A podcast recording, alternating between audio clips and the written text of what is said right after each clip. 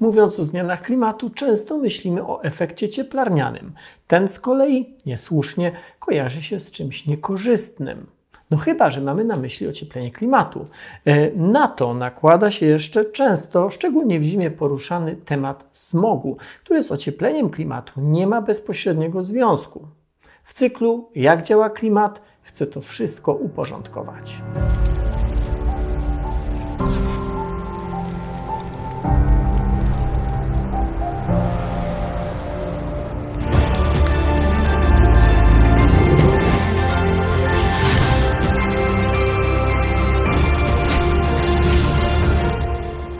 Czy dwutlenek węgla ogrzewa Ziemię? Nie, nie ogrzewa. Nie pozwala jej się schłodzić. Zresztą tak samo jak inne gazy cieplarniane, takie jak na przykład metan, podtlenek azotu czy para wodna.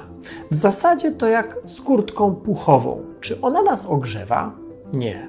Ona nie jest źródłem ciepła.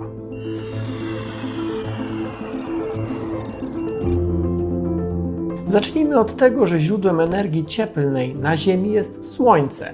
Ktoś może powiedzieć, że ciepłe źródła są ciepłe nie dlatego, że świeci Słońce, tylko dzięki energii zmagazynowanej we wnętrzu Ziemi. To prawda, ale to marginalna sprawa w porównaniu z energią docierającą do nas ze Słońca. Słońce świeci, a do nas trafia promieniowanie krótkofalowe, przede wszystkim promieniowanie widzialne, ale także bliska podczerwień i trochę ultrafioletu. Spójrzcie na widmo promieniowania elektromagnetycznego. Promieniowanie podczerwone to to, które sąsiaduje z czerwonym światłem widzialnym. Ultrafiolet z kolei jest z drugiej strony światła widzialnego. Ziemska atmosfera przepuszcza promienie krótkofalowe, a ono ogrzewa powierzchnię gruntu.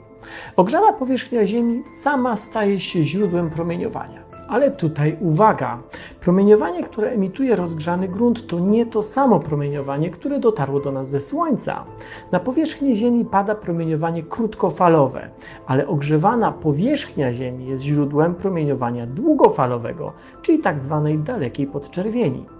Chociaż Słońce podgrzewa Ziemię tylko w dzień, Ziemia promieniuje przez całą dobę. Gdyby nie miała atmosfery, albo gdyby nie miała w atmosferze gazów cieplarnianych, o nich opowiem za chwilę, produkowane przez rozgrzany grunt promieniowanie ulatywałoby w przestrzeń kosmiczną. W efekcie byłoby jak na Księżycu. Gdy na jego powierzchnię padają promienie słoneczne, temperatura gwałtownie rośnie do ponad 100 stopni Celsjusza. Ale gdy Słońce zajdzie i na Księżycu zapanuje noc, temperatura natychmiast spada do prawie minus 200 stopni Celsjusza. Całe szczęście Ziemia ma atmosferę, a w niej gazy, które magazynują energię.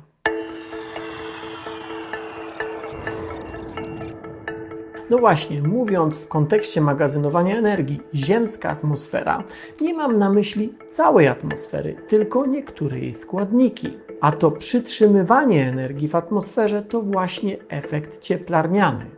Czy on stanowi dla nas jakiś problem? Absolutnie nie. Dzięki efektowi cieplarnianemu możemy tutaj żyć. Gdyby w atmosferze ziemskiej nie było gazów, które zatrzymują energię gazów cieplarnianych, temperatura byłaby u nas o ponad 30 stopni Celsjusza niższa. Zamiast średniej temperatury około plus 15 stopni Celsjusza mielibyśmy blisko minus 20 stopni Celsjusza. W takich warunkach szanse na zaistnienie tutaj życia byłyby minimalne, a już na pewno nie na naszych szerokościach geograficznych. Efekt cieplarniany to błogosławieństwo, które samo w sobie nic wspólnego z działalnością przemysłową, czy szerzej w ogóle jakąkolwiek działalnością człowieka nie ma. To efekt naturalny. Kłopoty zaczynają się wtedy, gdy gazów cieplarnianych w atmosferze przybywa, bo wtedy ilość zatrzymywanej w atmosferze energii zaczyna rosnąć, czyli rośnie temperatura. I wtedy mamy globalne ocieplenie. Ilość gazów cieplarnianych w atmosferze rośnie. W ciągu ostatnich 170 lat stężenie CO2 wzrosło o niemal 50% w porównaniu z końcem XIX wieku. Ten wzrost jest wyraźny, żeby nie powiedzieć spektakularny, a poziom CO2 nie był tak wysoki od co najmniej miliona lat. Dzisiaj stężenie CO2 zbliża się do 415 ppm, czyli części na milion, ale na przełomie XIX i XX wieku wynosił około 280 ppm. Rośnie także stężenie metanu. Od przełomu XIX i XX wieku mm, wzrosło ponad dwukrotnie. W wyniku ocieplenia rośnie także stężenie pary wodnej, która także jest gazem cieplarnianym i dodatkowo podbija ocieplanie się klimatu. Na kolejnych wykresach pokazuję wzrost stężenia gazów cieplarnianych, ale o źródłach tego wzrostu opowiem w kolejnych odcinkach. Zmiany klimatu to bardzo szeroki temat, więc musiałem go podzielić na wiele różnych filmów, na kilka różnych filmów. Na przykład w odcinku za dwa tygodnie opowiem o tym, czy zmieniająca się aktywność Słońca ma wpływ na zmiany klimatu. Jak temat Was interesuje, zapraszam do subskrypcji. A wracając do składu atmosfery. 99% naszej atmosfery jest dla promieniowania i tego, którego źródłem jest Słońce, i tego, którego źródłem jest ogrzana powierzchnia gruntu, całkowicie przezroczysta. Ale pozostaje jeszcze ten 1% i w jego skład wchodzą właśnie gazy cieplarniane. Głównie to para wodna, dwutlenek węgla, metan i podtlenek azotu.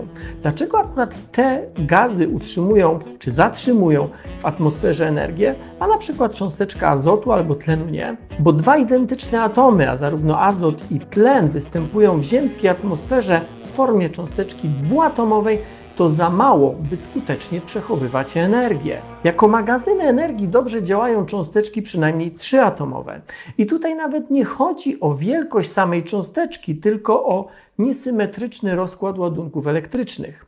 Nie chcę za bardzo wchodzić w szczegóły, ale promieniowanie podczerwone wprawia w drgania cząsteczki CO2 czy H2O, ale także pięcioatomowe cząsteczki metanu. Gdybyśmy popatrzyli na te cząsteczki pod jakimś mikroskopem, atomy, które je budują, poruszałyby się względem siebie, wykonując drgania i obroty. Te ruchy wymagają energii, a tę energię dostarcza właśnie promieniowanie produkowane przez rozgrzaną powierzchnię Ziemi. I tak energia, która byłaby wyemitowana, wyrzucona w przestrzeń kosmiczną, jest zatrzymywana w atmosferze i podnosi jej temperaturę. A wracając do pierwszego pytania z tego filmu, czy dwutlenek węgla ogrzewa Ziemię? Nie, nie ogrzewa. Jest za to jednym z gazów, który nie pozwala się Ziemi ochłodzić. Tak jak nie ogrzewa nas puchowa kurtka. Ale gdy na puchową kurtkę narzucimy dodatkowo gruby koc, on także nas nie będzie ogrzewał, ale pod dwoma warstwami izolacji, choć żadna z nich nie jest źródłem ciepła, może nam być stanowczo za gorąco. Nauka to lubię na